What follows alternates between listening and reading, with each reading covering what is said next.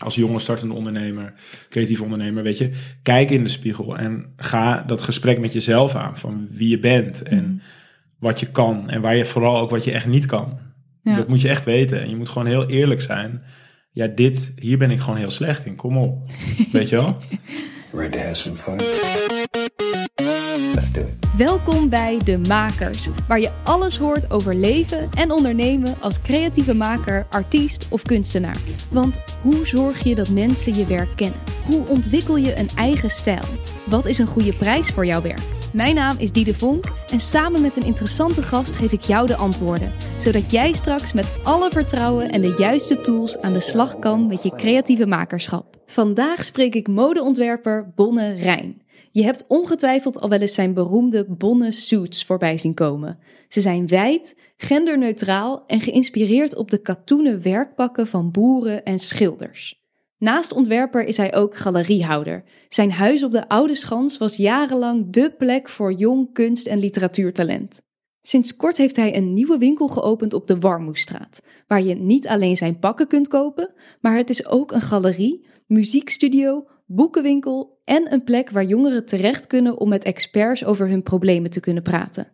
We hebben het in het gesprek over artistiek versus zakelijk, over goede mensen om je heen verzamelen en een unieke mening vormen. Heel veel luisterplezier, hier is Bonne Rijn. Welkom Bonne, Dankjewel. leuk dat je er bent. Vind ik ook. Fijn, gelukkig. Ehm, als ik zo me een beetje zit in te lezen over wat je allemaal gedaan hebt en wie je bent, dan, dan klinkt het heel erg alsof jij heel erg mensen met elkaar verbindt. Verschillende disciplines met elkaar verbindt. ehm, altijd onder de mensen bent. Je hebt net een nieuwe winkel gestart, waar, wat ook naast dat het jouw pakken verkoopt, ook een galerie is en een muziekstudio. Wat is voor jou de kern? Wat zit daaronder? Want het kan een beetje klinken alsof het van alles en nog wat is. Mhm. Ja, leuk. Eh, leuk dat je het ook zo ziet. Want eh, voor mij is denk ik een centraal thema binnen mijn werk is toegankelijkheid. Toen ik jong was, had ik het gevoel dat een bepaald deel van cultuur in Amsterdam ontoegankelijk was voor eh, een aantal verschillende, weet je wel, soorten mensen of zo. Mhm. En ik schaarde mezelf daaronder. Jong, beetje onbezonnen. Maar ik hield heel erg van kunst en van muziek. En ik had gewoon niet het gevoel dat, dat bijvoorbeeld een bepaalde galeries of bepaalde musea of bepaalde mo- eh, modewinkels of bepaalde merken eh, ja, toegankelijk waren voor. Hoe kwam het dan toch dat jij al wel die liefde voor kunst had ontwikkeld? Eh, ja, dat is, ik denk in eerste instantie door muziek. Dus ik luisterde heel veel muziek. Ik ben ook vrij jong al begonnen met lezen. Dat was voor mij een fijne uitlaatklep. Ja. Daar kon ik me in, in, in verdwalen, zeg maar. Ik heb altijd, ben altijd best wel onrustig geweest. En als ik muziek luister of als ik een boek lees, dan kom ik echt heel erg tot rust. En dat heb ik echt al wel sinds mijn dertiende. Dat ik dat voel, zeker bij lezen.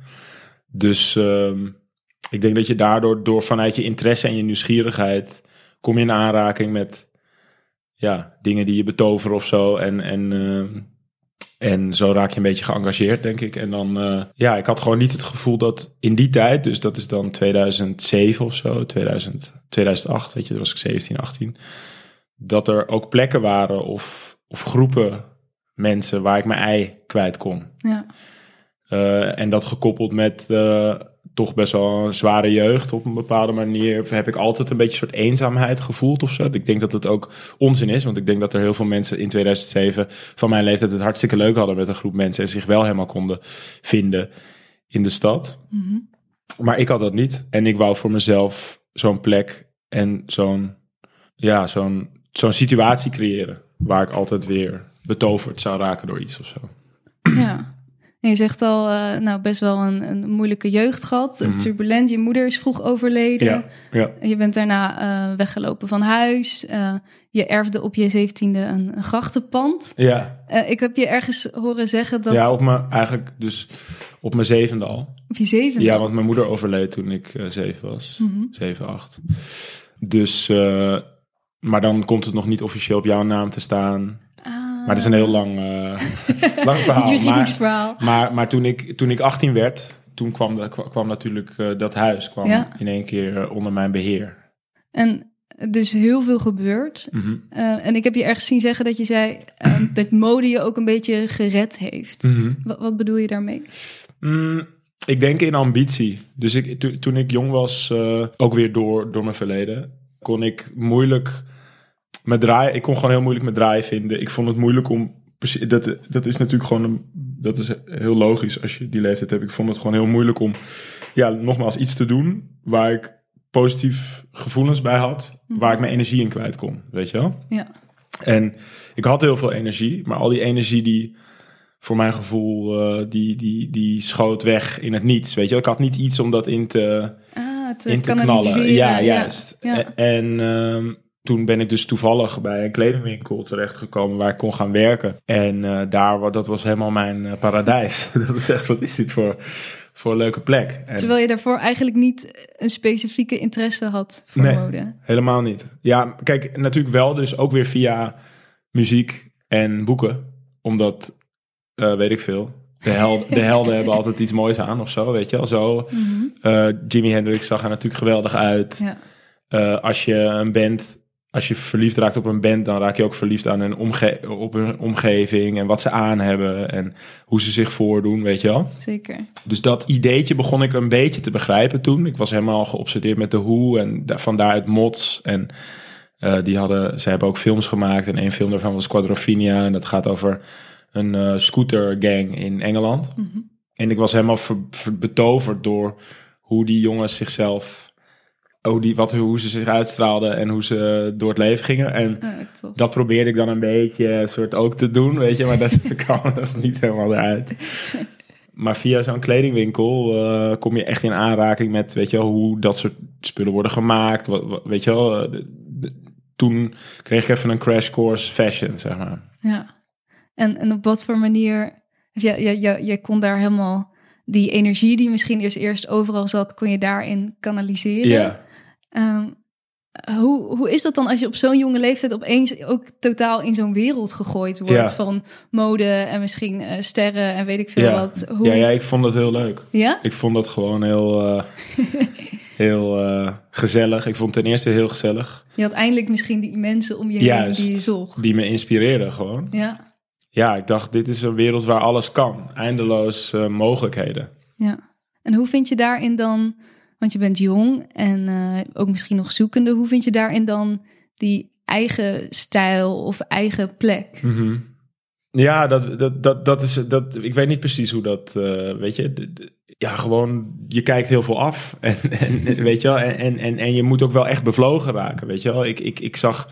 Ik, ik verkocht kleren aan mensen die ik ook echt wel degelijk heel mooi vond. Weet je wel. En waar ik graag naar keek in de, tot in de detail. En hoe dat op werd gezet. En ja, dan, dan ga je vanzelf, denk ik, als mens, ga je daarmee aan de haal. En Ja. ga je je op een bepaalde manier kleden. Of ja, komen, komen je waardes of je eigen lading, die gaat er ook in zitten, weet je wel?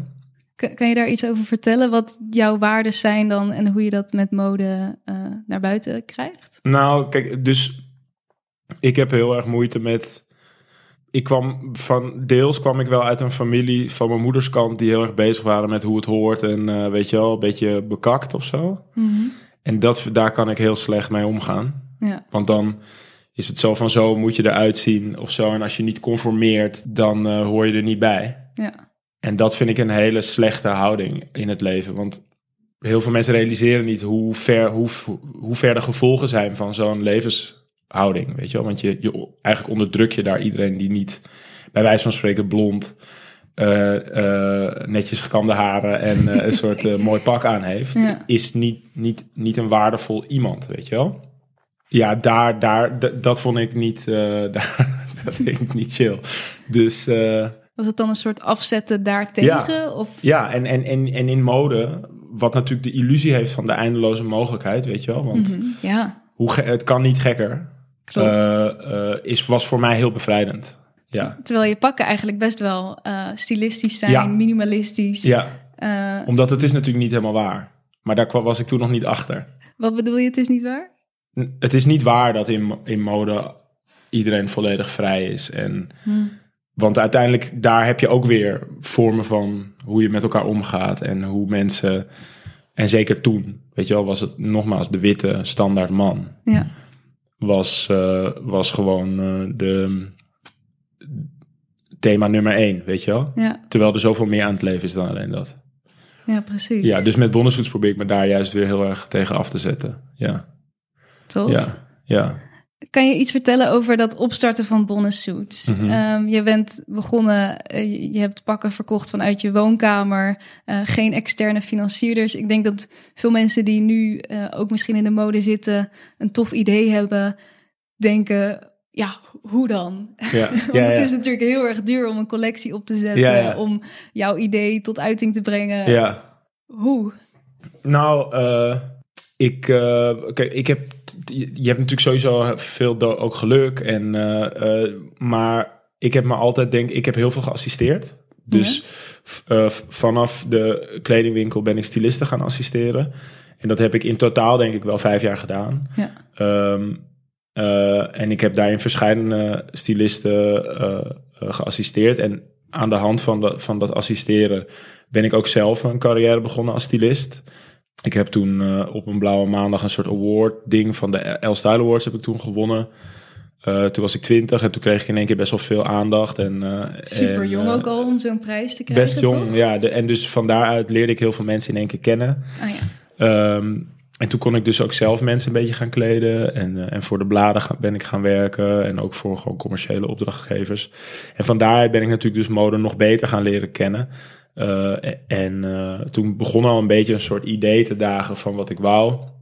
En toen ben ik, voor, eh, ben ik af en toe voor Patta gaan werken. Als, ook als stylist. En ik heb ze soms geholpen met casting en dat soort dingen. En ja, dan kom je in een soort netwerk van gelijkgestemden, gelijkgezinden en mensen die het ook echt hartstikke fijn vinden als jij iets leuks opzet, weet je wel, wat, wat, wat ook die scene op een bepaalde manier weer verder helpt of zo. Dus ehm, toen he- he- hebben de mannen van Patta, die hebben mij geholpen met het bestellen van mijn eerste collectie. Eh, als in het, het fabrieksnetwerk en, en al dat soort, al die ingewikkeldheden van de eerste productie. ja. Eh, daar hebben ze mij heel erg mee geholpen. Echt eh, tot, tot in de detail. Dus zo heb ik wat sneller, denk ik, heb ik, ben ik, heb ik kunnen beginnen. Ja.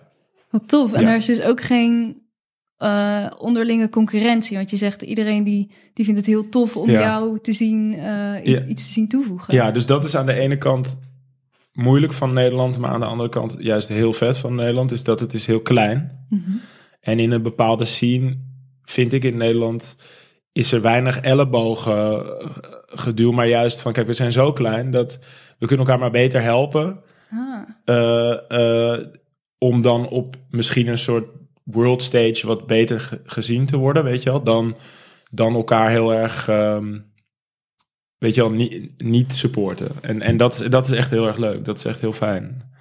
En eh, dat was zeker toen ik begon en zeg maar de vijf, vijf jaar daarna was toen heel erg actief. Dus iedereen hielp elkaar gewoon heel erg. En het is eigenlijk nog steeds, vind ik wel. Ja. wat tof.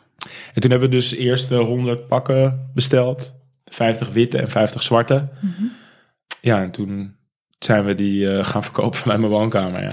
Want ik had een soort Facebook-event of zo had ik opgezet. Ja, En ze gingen ook super snel volgens mij, toch? ja, ja. ja was in een paar dagen was het helemaal uitverkocht. Ja. Ja, dat is ook ongelooflijk. Heel leuk. Maar ik, ik had dus al best wel een groot modenetwerk. En ik was natuurlijk al zo'n eerste bestelling. Daar ben je natuurlijk een soort jaar mee bezig of zo. Ja, En op een gegeven moment gaat dat leven, weet je wel. Je zegt gewoon tegen iedereen, ja, ik heb net, eh, weet je wel, mijn eerste collectie besteld. Maar dat zeg je al maanden. Dus al mijn vrienden, die zagen dat natuurlijk wel aankomen. En die, waren, die zaten er ook wel op te wachten. ja.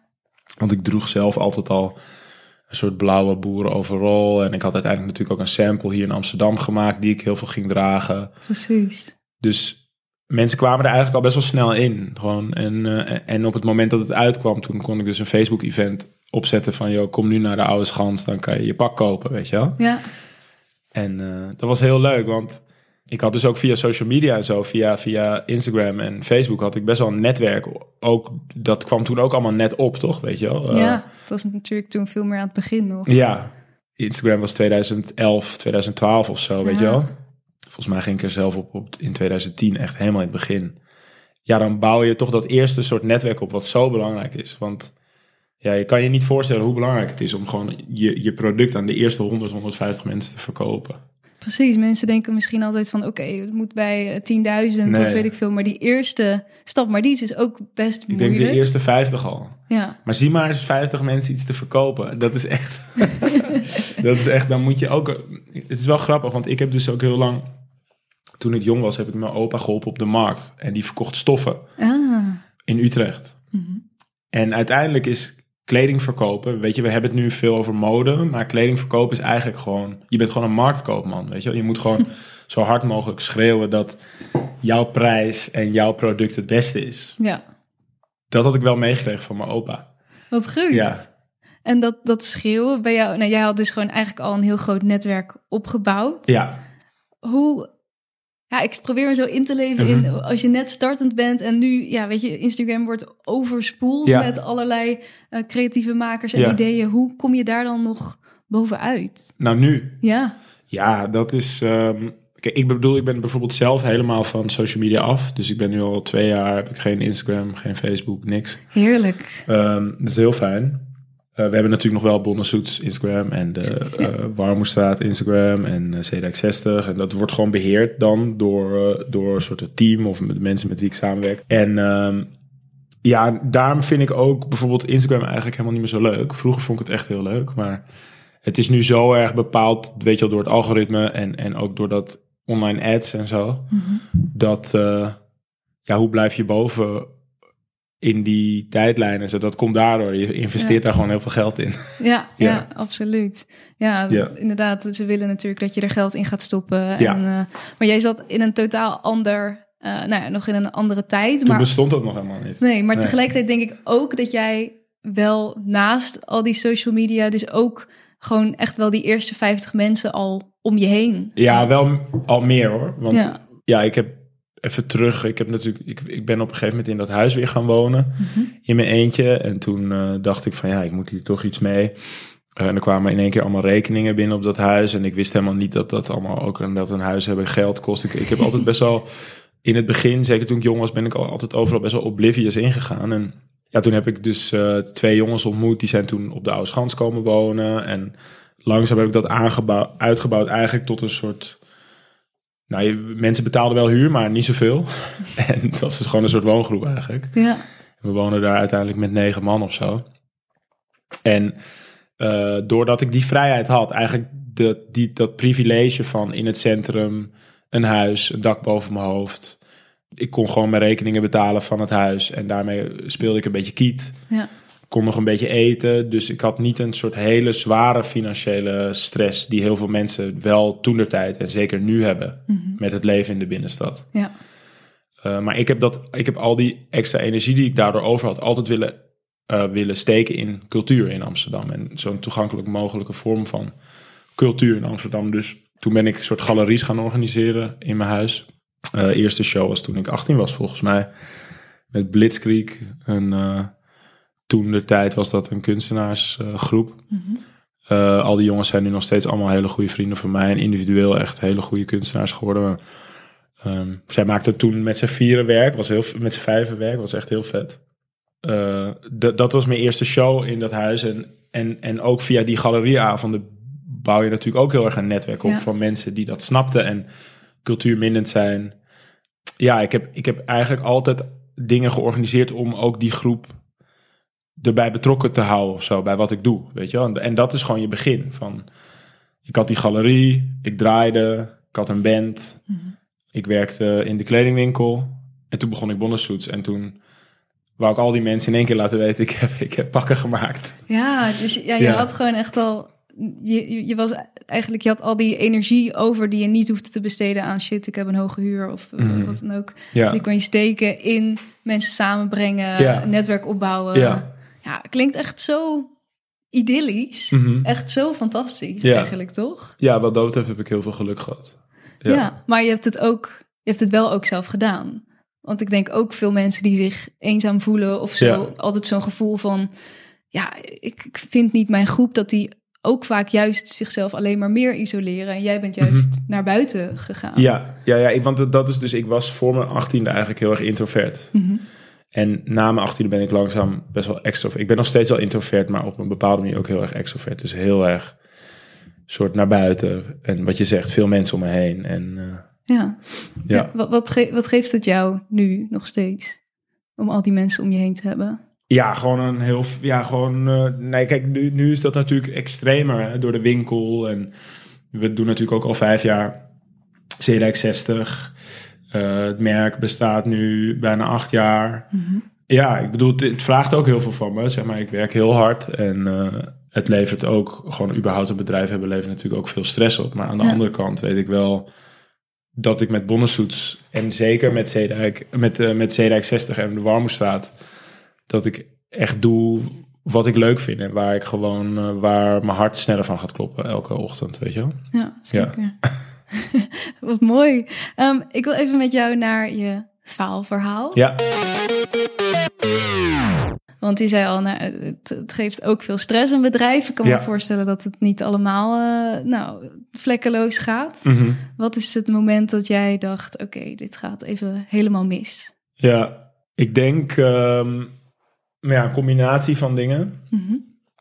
rond mijn 24ste, 25ste. Toen ben ik te veel, of laat ik het anders zeggen. We hadden toen de tijd een muziekstudio op de Oude Schans, dus bij mij thuis. Mhm. Toen was het eigenlijk een soort, was het huis meer bijna een soort open deur. Dus Ja. mijn beste vriend en huisgenoot Frank van der Schoor, die maakte veel beats.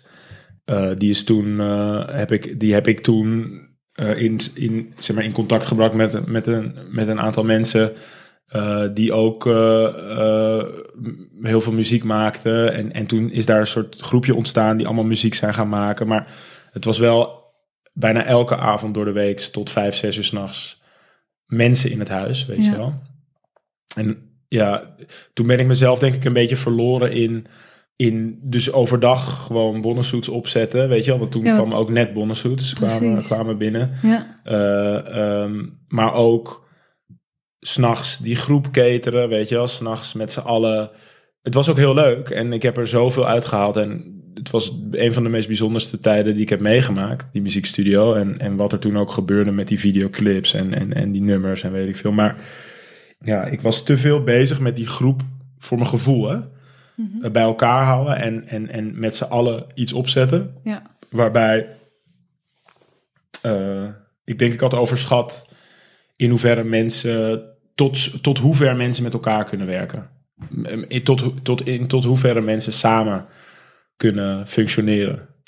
En eh, daarin ben ik toen de tijd best wel mezelf een beetje verloren. En, en, dat, en, en, en nu eh, hebben we met die groep hebben we samen Zeedijk 60. En dat is geweldig. En een hele leuke plek. En ik denk een hele mooie toegankelijke plek voor een bepaalde groep jeugd.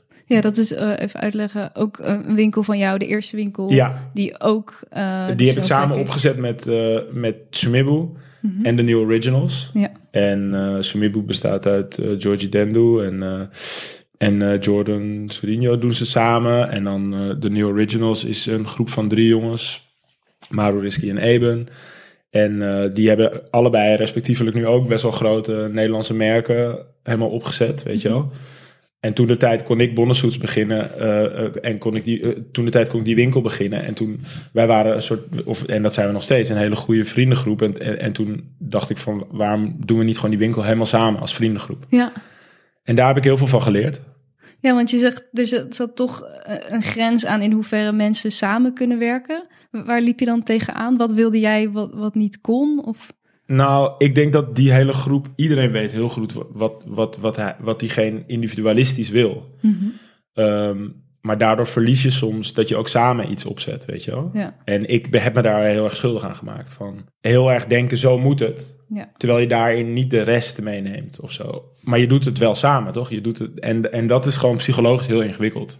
Ja, ja, ja. En eh, zeker als het ook loopt, weet je wel. En, en, en we gaan allemaal geld verdienen en weet ik veel. Dan, dan is het moeilijk om je, je de neuzen allemaal dezelfde kant op te houden, weet je wel. ja, zeker. En ik denk dat we een heel mooi project hebben afgeleverd met CDX 60.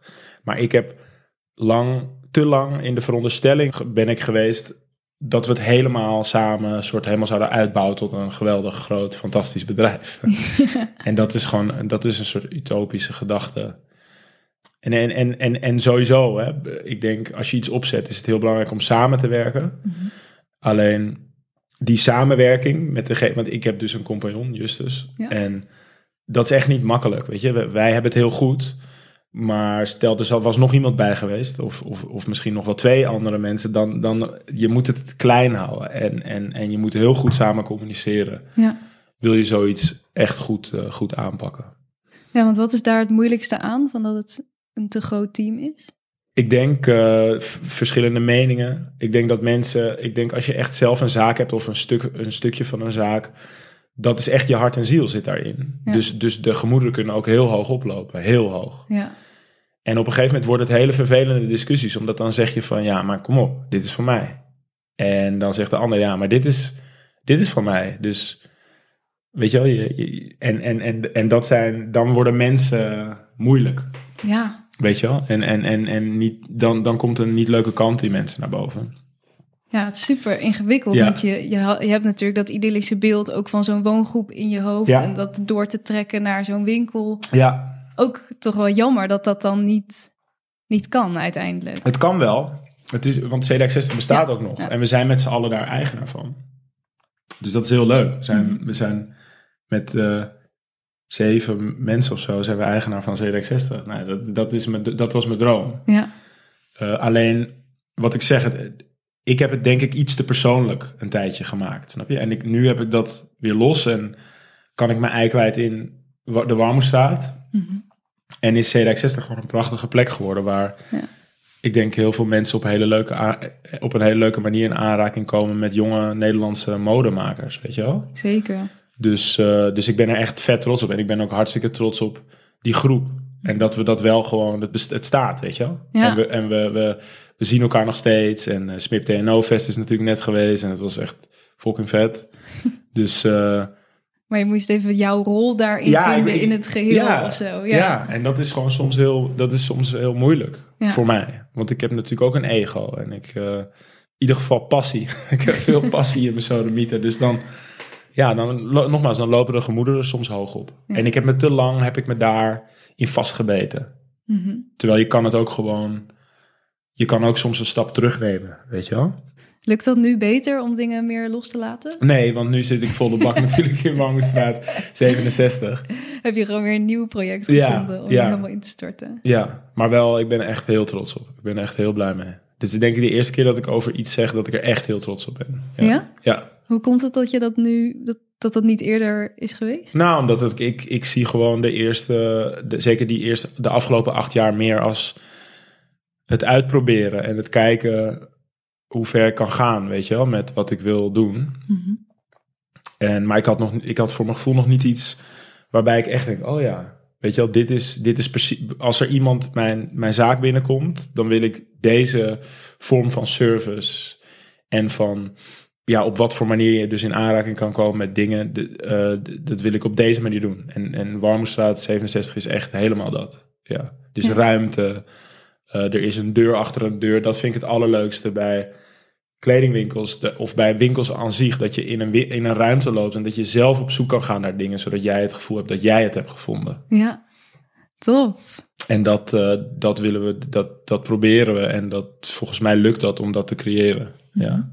En hoe zorg je daarin dan dat je niet te vaak te veel over je eigen grens gaat door die passie die erachter Ja, zit? da- dat, is nu, dat wordt nu een beetje het project. Dat Ah, ja. wordt nu gewoon, ik wil kijken hoe ik dat nu beter kan gaan doen. Ja, Ik had er dit weekend ook met mijn vriendin over van. Soms is het gewoon te veel en dan ga ik ook te diep in, eh, in mijn werk. En dan moet ik gewoon ook even realiseren van. Waar de fok ben je nou mee bezig? Doe gewoon even rustig. ja. Weet je wel? Maar dat is, is ook heel belangrijk. Is het niet ook door die drive en die passie en dat blinde of nou, gewoon dat zo op een doel afgaan dat je hebt kunnen doen wat je wat, ja, hebt kunnen opzetten wat je nu hebt opgezet? Ja. Mhm. Maar eh, kijk, voor mij is het. Ik, zeg maar, ik, ik, ik kan het niet volledig, maar ik kan ook de cijfers van Bonneshoek nu voor de geest halen. Snap je? Ik bedoel, ik weet waar ik ben. En om de Warmoestraat, eh Bonnesoets, de galerie en, en wat ik verder wil doen, nog om dat te kunnen bewerkstelligen, dan moeten we echt nog wel wat stappen zetten. Weet Ja. je wel? We moeten gewoon nog verder professionaliseren. We moeten, ja, we moeten echt gaan uitbreiden. Dus, dus ik, voor, ik ben er voor mijn gevoel nog helemaal niet. Zeg maar. ik, ben, ik wil echt heel graag nog, echt nog door. We moeten echt nog even door. Ja, precies. Ja, dus nog, eh, nog even geen rust. nee. Oké, in elke aflevering heb ik altijd een, eh, een makersvraag. Ja, Een vraag van een maker, een struggle waar iemand tegenaan loopt. En eh, in dit fragment zul je wat eh, muziek op de achtergrond horen, want die heb ik in het Volkshotel opgenomen. oh ja. Creatieve bro- broedplaats. Eh, daar komt die. Ik zit hier met Uh, Fariga. Ik ben bezig met mijn portfolio maken, om aan te melden. aanmelden voor.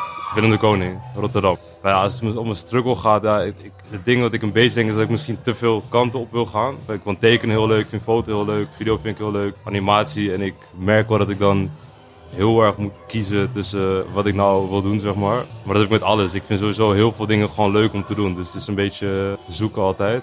Je hebt altijd met opleiding heb je een bepaalde richting waar je naartoe moet. Dus, dus ja, je kiest of voor audiovisual design, of je kiest voor foto, of je kiest voor animatie. Er wordt toch een bepaalde richting wel gezet, zeg maar, heb ik het idee. Ja, ik weet niet of dat of ik er helemaal in past of zo, als ik heel veel verschillende dingen wil doen of zo. Oké, dus de vraag, hij vindt heel veel verschillende dingen leuk eigenlijk. Ja, ja. Soms vraagt of de maatschappij of een opleiding van je dat je toch eh, ergens voor kiest. ja. Ja, hoe zou jij dat oplossen? Ja, dus eh, ik denk dat ik daar wel een antwoord op heb. Ook al is het een, het is natuurlijk, nou goed, dit is altijd ingewikkeld. Hoe ik het zelf in retrospect zou bekijken, is dat ik denk dat het gewoon heel belangrijk is vanuit je, je, je, je interesses en je nieuwsgierigheid jezelf een vraag te stellen eh, en een dus een thema van wat, wat wil ik in, wat wil ik in de kern bewerkstelligen? Mhm. En, wat, en, en zeker in een culturele uiting, van wat, wat is mijn hoofdonderwerp? Ja, En bij mij was dat dus toegankelijkheid. En dat wist ik al vanaf best wel jong. En, vandaar, en dan bij dat, bij dat thema of dat onderwerp eh, ga je een medium zoeken, Ja. denk ik. En, eh, en voor mij is dat mode. Mhm. Omdat ik vind mode het allerleukste en het allerinteressantst. Omdat iedereen draagt kleding.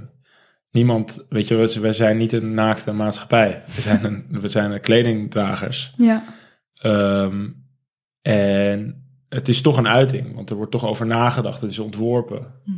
Dus er zit heel veel lading in. ja. En los daarvan kiest iedereen ook zijn kleding elke ochtend weer, weet je wel? Dus er zit een hele leuke gedachtesprong bij die mensen maken. En er gebeurt psychologisch heel veel onder het oppervlak. Dus ik denk, voor, als, ik denk dat het gewoon heel, heel goed is voor hem om weer helemaal terug te gaan naar de basis van wat wil ik eigenlijk maken, wat wil ik vertellen. En, dat, en, en dat, dat kan je alleen maar voeden met wat, je, wat, je, wat heb je meegemaakt, waar woon je, weet je wel, eh, waar wil je naartoe, waar kom je vandaan. Eh, en ik denk dat je daarmee dat, dat hoofdthema in je werk kan Ja. voeden. Ja, dus eigenlijk, eh, ja, vind ik wel tof. Je zegt, het gaat niet zozeer om het medium, maar het gaat echt om die, om die kern van wat jij wilt maken. Ja, en daarbij zoek je dan Precies. een medium. Een medium wat voor jou daar het beste bij past, Ja. of waar je dat het meeste in, in kan uiten. Ja, ja tof. ja. Mooi. En, en dat, kan, dat kan jaren duren, zeker als kunstenaar. Mhm. Voor heel veel kunstenaars is dat juist de eindeloze zoektocht, weet Ja. je wel? Precies, dan blijft dat, maar wel weer dus elke keer terug naar die kern. Ja. Wat is dat? Ja, Tof. ja. Mooi. Heb je andere tips voor eh, mensen die misschien net beginnen om te professionaliseren Ja. in hun werk? ja, doe, probeer het niet alleen te doen. Veel mensen die, die lopen stuk. Of eh, je hoort natuurlijk de, la- veel over burn-outs en mensen die, die gewoon echt eh, gewoon te hard werken. En dat komt omdat mensen ook te veel van zichzelf verwachten, denk ik. En, en zeker bij het ondernemen. En ook al helemaal in het ondernemen in de creatieve sector. Omdat je constant weer op een bepaalde manier het wiel moet uitvinden. Weet je wel? Want er is niet een soort handboek voor, eh, voor eh, een kledingstuk ontwerpen. Nee. Of, of eh, een, album, een album schrijven, weet je wel. Du- Dus ik denk dat het gewoon heel goed is om iemand bij te hebben met wie je kan klankborden, met wie je kan praten over hoe je het wil aanvliegen. En iemand die je gewoon kan ondersteunen, die je begrijpt. Dat aan zich kan een hele lange zoektocht zijn, weet je Ja. wel. Maar Ja, hoe vind je zo iemand? ja, bij mij is het deels toeval en deels intuïtie, denk ik. Mhm. Dus mijn broer, eh, tenminste ik heb een soort van pleegouders. En, en mijn pleegbroer die is net zo oud als ik. En die ken ik al sinds mijn geboorte. En ehm, ik wou toen de tijd heel graag met hem samen, graag met hem samenwerken. Want hij bezit kwaliteiten absoluut die ik niet heb. Maar hij zat er niet zo op te wachten om met mij samen te werken. Maar hij wist dus wel iemand die dat misschien wel zou willen. Ah, Toen heeft hij mij voorgesteld aan een dispuutgenoot van hem. ja. Justus. En toen zijn we koffie gaan drinken. Toen hij zei van ja, ik studeer economie, maar ik wil graag wat meer iets in de creatieve sector doen. En toen heb ik hem geholpen met een stage voor een of andere film. Mhm. En eigenlijk na die stageperiode bij die film, toen zijn we meteen verder gegaan met Bondensoets. Wat Ja. tof. Dus je, je kende hem helemaal niet. Nul. Nee. Nul. Dus dan En- moet je inderdaad ook durven vertrouwen in iemand. Ja, dus dat, dat is ook heel belangrijk. Van, dat is voor mij altijd heel erg een belangrijke factor geweest. Van, je moet mensen heel erg vertrouwen. En, en, en het, is niet, het is natuurlijk ook allemaal... Mensen zijn in de kern gewoon goed, weet je wel. En als je, dat, als je die radar in je hoofd goed aanzet en goed daarnaar luistert... en gewoon iemand waardeert eh, voor zijn of haar kwaliteiten... Ja. Dan eh, kan je een hele leuke samenwerking hebben. En Justus en ik werken al acht jaar. eh, nou ja, we zijn echt uren per dag samen. En ja, tuurlijk lopen we wel eens tegen een muur aan. Mhm. Maar we zijn, het is nog nooit op een gekke manier geëscaleerd tussen ons. We kunnen altijd weer de middenweg vinden. En ik bedoel, we hebben twee jaar, een jaar geleden was het echt, eh, weet je wel, ook met die uitbreiding en met corona, veel stress. En dan zit je soms wel echt tegenover elkaar en dan denk je, fuck, weet je wel.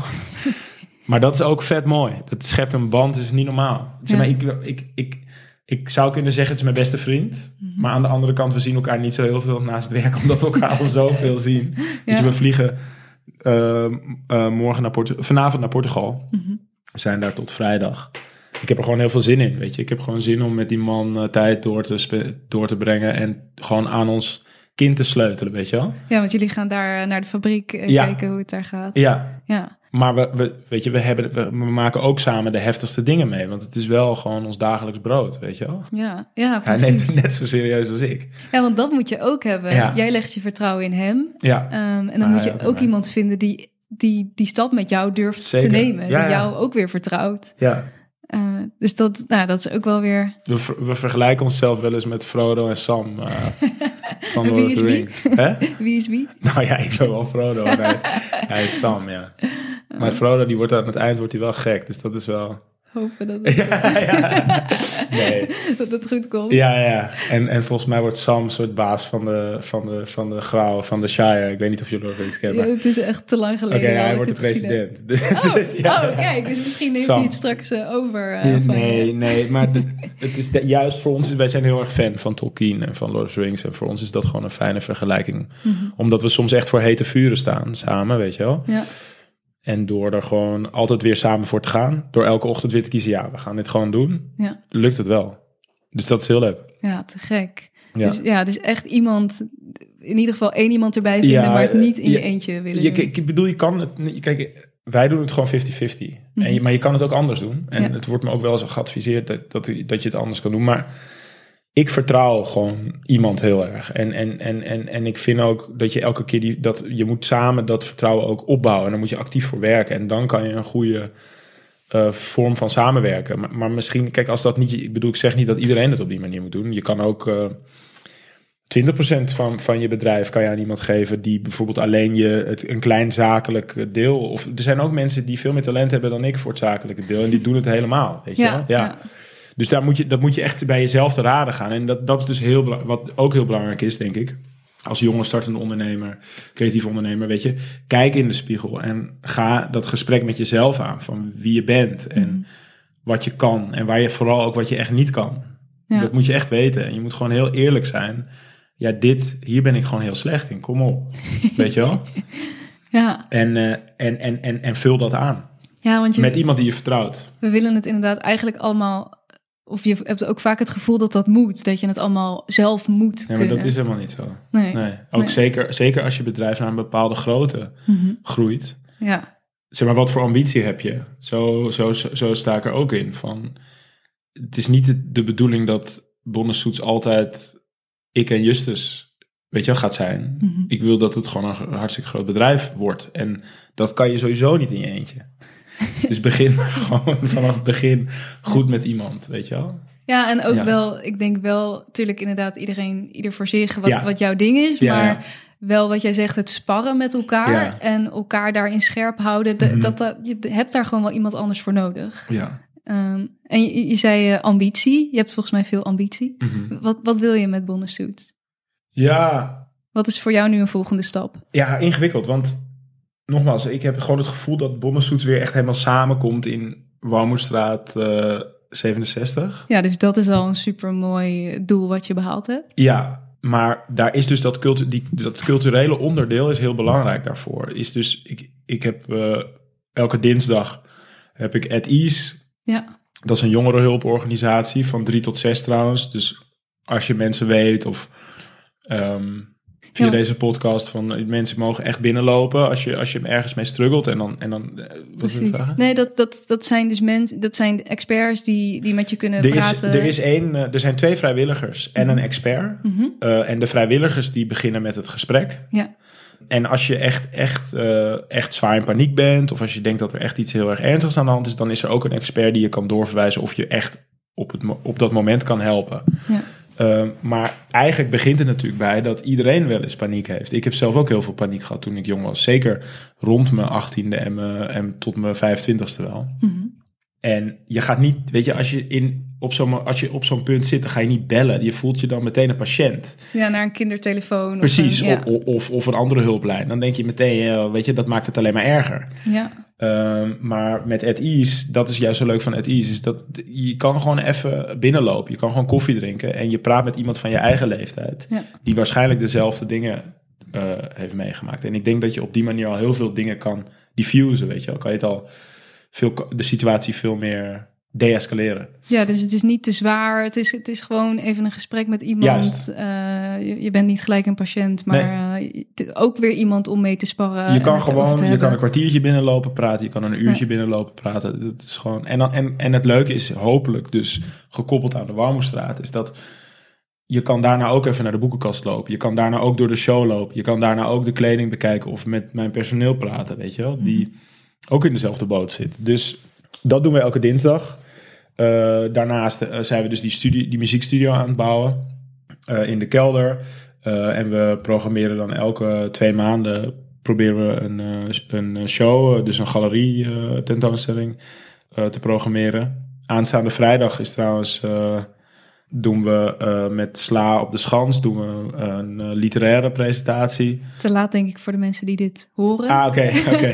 Maar goed, dat, dat, Maar- doen we, dat gaan we ook om de zoveel maanden doen we dat. Want ik deed dat vroeger ook al op de Oude Schans. Ja, dat is een soort literaire voordrachten Ja. en eh, mo- ja, mogelijkheid voor jonge schrijvers om Ja, hun werk te laten ja horen. dus vier gevestigde namen en dan daarna tien open mic plekken. Zodat de open micers hun werk ook een beetje kunnen presenteren voor zo'n gevestigde orde. En een gevestigde orde die praat over iets waar ze zich voor schamen en wat ze niet gepubliceerd willen hebben. Ah, Dus die doen ook tof. eigenlijk een soort geste naar het jonge talent. Van, yo, we zitten ook in deze boot. Wij durven ook dingen niet, weet je wel? Heel vet. Dus eigenlijk vanuit alle soorten verschillende disciplines kunnen mensen bij de Warmoestraat terecht. Ja, en, de- oh ja, dus en, en dan terug naar je vraag. Ja. Wat is mijn ambitie? Mhm. Daarnaast sta ik ook gewoon op die markt stoffen of kleding te verkopen. Mhm.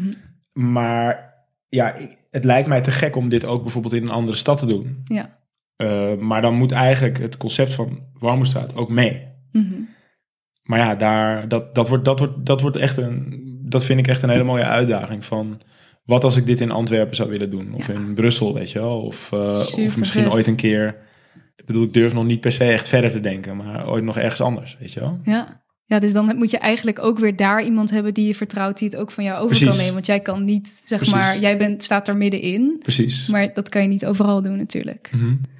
Want hoe zit dat op de Warmoestraat? Ben jij daar altijd? Of? Nee, we hebben gewoon uh, we hebben een winkelmanager en, uh, Nee. en uh, nog drie man personeel. Dus het kan wel gewoon los van jou bestaan. Ik denk het wel, maar ik, ben, ik bedoel, ik ben er natuurlijk effectief wel bijna elke dag. Ja. En ook in het weekend sta ik een paar uur, weet je wel, om mensen te helpen. En bij al die openingen ben, ben je dan ook en je helpt het opzetten. Ja, wie weet. Maar, het, maar het, het, idee met Bonnensoets is echt wel om het groter internationaal weg te zetten. We, hebben het, we doen het goed internationaal. We verkopen veel in Amerika en in Engeland. En, in principe doet dat het allemaal goed, maar, maar dat, dat willen we gewoon natuurlijk op veel grotere schaal op een gegeven moment. Ja, waarom is dat eigenlijk? Waarom wil je grotere schaal? Nou, ook ambitie natuurlijk. Kijken hoe ver het kan gaan. Maar, maar ook Nederland. Nederland is gewoon klein en moeilijk. En we zijn in principe we zijn, zijn flink gegroeid. Alleen eh, ja, in Nederland is gewoon de pool aan mensen die, die, die, het, be- die het begrijpen uiteindelijk niet, niet zo groot als dat bijvoorbeeld zou zijn in New York of, Ja. of weet je wel, in LA of ehm, in, in, in Engeland of Frankrijk. Weet je wel, dus ja, dat, dat, dat is wel echt onderdeel van, van de ambitie gewoon. Ja, Ja. dus dat het, je begon nu heel eh, rustig met Antwerpen, Brussel, Ja. maar eigenlijk uiteindelijk zouden die eh, Ja. ook wel op de lijst staan. Ja, dus, dus ik denk eh, nog een winkel dichter bij huis, maar niet in Nederland. Dat Mhm. lijkt me heel leuk. Ja. En dan hopelijk ooit een keer uitbreiden naar, naar, naar echt overseas, weet je wel? Heel vet. Ja, Cool, ik, eh, ik zie het helemaal voor me. ik hoop het. Ehm, heb je tot slot misschien nog een, een, een laatste, je hebt al heel veel mooie tips gegeven, maar misschien nog een laatste eh, advies wat jij ooit hebt gekregen of iets wat jou geholpen heeft? Ja, zeker. Ehm, eh, en dat is toch ook wel van mijn vader. Die heeft eigenlijk altijd heel erg gehamerd op unieke kennis op, tot, je, tot je nemen. En dat is heel gevaarlijk op dit moment. Met die toestroom van kennis vanuit het internet. Alles wat door het algoritme is bepaald. Want wat is unieke kennis precies? Dat is bijvoorbeeld eh, uitzoeken wie Dostoevsky is en, en, en zijn boeken lezen en dan aanges- aangestoken worden door zijn manier van denken. Of een recentere schrijver. Ehm, er zijn er heel veel, weet je wel. En eh, ik denk dat het gewoon heel goed is om, om heel erg te zoeken naar ankerpunten binnen je kennis die je tot je, tot je opneemt. En, en, en gewoon grote klassieke schrijvers, die helpen je gewoon heel erg met je hoofd op een bepaalde manier openzetten, weet je wel, voor, voor, voor kennis. En ik, het gevaar is gewoon dat mensen te veel naar hun telefoon staren voor, voor hun dagelijkse dosis interesses en kennis. Ja. En, we dat- uiteindelijk allemaal hetzelfde weten en Precies. eh, Precies. Heel sorry. veel niet. Dat, dat is mijn punt. Ja. Dat iedereen het, het gevaar, en dat is natuurlijk ook een voorbode van Bonnensuits. Ik speel natuurlijk heel erg met de dystopie van dat we allemaal uniform worden en uniform gaan denken. Mhm. En dat gaat de wereld gewoon echt geen betere plek maken. nee. Weet je? Ik bedoel, we hebben het nu over ondernemers en over makers, maar eh, even kijken, een soort creatieve ondernemer, als je het zo wil noemen. Ik vind het altijd een beetje een moeilijke termen, maar Ja, even gezegd, een creatieve ondernemer. ehm, die draagt bij aan het soort dialoog wat mensen voeren op een cultureel gebied. ja, Dan vind ik ook dat je dus wel goed geïnformeerd moet zijn en weet wat je doet. Dus is het denk ik als, als jonge maker of als jonge, als jong iemand met ambitie om creatief te ondernemen, is het heel belangrijk dat je jezelf voedt met, met kennis en met, met, met interesses. Je ziet gewoon heel veel jonge mensen die hebben al heel veel ambitie en die zeggen, ja, ik wil, eh, weet je, het is zo grappig dat nu heel veel soort creatieve ondernemers, die, die, die, die willen eigenlijk, eigenlijk willen ze gewoon een soort zakenmannetje worden. ja, Maar dat, daar, en daarom zijn er denk ik ook zoveel mensen nu overspannen. En, en, en, en is het moeilijk voor mensen. Omdat begin gewoon eens bij een boek lezen. Weet je hoe lekker dat is, hoe rustig dat is. Hoe, maar dat, dat, je moet bedenken dat als je dat boek leest, dan steek je dat weer in je leven en in je bedrijf. En in wat je wil opzetten of wat je wil maken. Ja. Dus zie dat ook als een waardevolle handeling. Ja, dat is onderdeel ook van je werk. Precies, Dat is niet precies. dat zakenmannetje die, weet ik veel, zorgt dat de rekeningen worden betaald. Die- Ja, daarvan zie je direct, oh ja, dat levert dit op. Maar Ja. die artistieke, ik denk inderdaad lading. dat... Snap je? Ja. ja, sorry, ik vind het moeilijk om. Nee, ik vind dat je het heel goed verwoordt. Zeg maar, Nee. voed jezelf gewoon met, met, met dat soort dingen. Want ik denk dat het je. Ik heb zelf nooit een opleiding gehad. Mhm. En op een gegeven moment kwam ik erachter: oh joh, mijn vrienden. Die hebben soort allemaal intellectuele gesprekken aan tafel. Ik kan helemaal niet meekomen. ik ben alleen maar in een kledingwinkel aan het werken en een soort naar mijn telefoon aan het staren en cool aan het doen, weet je wel? Ja. Ja, dat, juist luister naar dat soort momenten in jezelf en, en ga op zoek naar hoe, ja, hoe kan je jezelf voeden Ja. met, eh, met een nieuwe inspiratie gewoon. Heb je nog één of twee soort van boekentips eh om mee te geven waarvan je denkt, lees dat? Ja, ik vind dat altijd ingewikkeld, want ik denk dat iemand gewoon zelf Ja. ook op zoek moet gaan. Ja, ik vind, is het ook weer van Camus. Ach, ik moet heel veel opzoeken. Vreemdeling? Ja, de Vreemdeling, Oh, ja. dankjewel. Eh vind ik geweldig. Ja. Eh Catcher in the Rye van Salinger. En de- ik denk een mooi boek over empathie is Huckleberry Finn van... sorry, ik weet heel even de schrijver niet meer. Maar Ik ga het in de show notes zetten. Ik ja, het ook even ja niet. als je eh, dat erin zou willen zetten. Dat Ja. is echt een prachtig boek over Amerika en over... Ja, dat is echt heel mooi. Ja, dus... ehm, en misschien nog, ik wil, misschien nog een leuk iets... Ik heb laatst... Oh ja, wat ook een hele leuke is... is eh, ik heb laatst de biografie van Lou Reed gelezen. Oké. En eh, Lou Reed was de, ehm, eh, de, de frontman van de, de Velvet Underground. En later eh, heel eigenlijk 40 jaar lang eh, mu- muzikant geweest. En ze noemden hem altijd de King of New York. Ja, een hele bijzondere fan die alleen maar altijd heeft gedaan wat hij zelf wou. En daardoor ook heel erg tegen de muur aan is gelopen in de muziekindustrie. En Ah. ja, ook helemaal kapot eraan is gegaan. Ja. Maar hoe zeg je dat? Zijn, zijn soort. Zeg maar geen discussie. je kan geen discussie met hem. Hij doet gewoon wat hij wil. Gewoon een soort koppigheid. Ja, een soort koppigheid. En, eh, en om dat te lezen en ook om, de, om van hem te leren in hoe hij tot zijn kennis, tot zich op zijn. is echt heel leuk. Is echt, eh, dus dat heb ik laatst gelezen en dat heeft me weer heel, veel, heel erg geïnspireerd. Heel Ja. nice. Nou, ik ga ze allemaal eh, in de show notes zetten. Leuk. Kunnen mensen ze gaan lezen. Maar inderdaad, zoek ook zelf uit wat, wat jou triggert. Of, ja, toch? eh, ja. En dat hoeft niet, dat hoeven niet boeken te zijn. Het kunnen ook Ja. mooie documentaires zijn. ja, maar voed jezelf. Ja, dat geval. is echt heel belangrijk. Ja.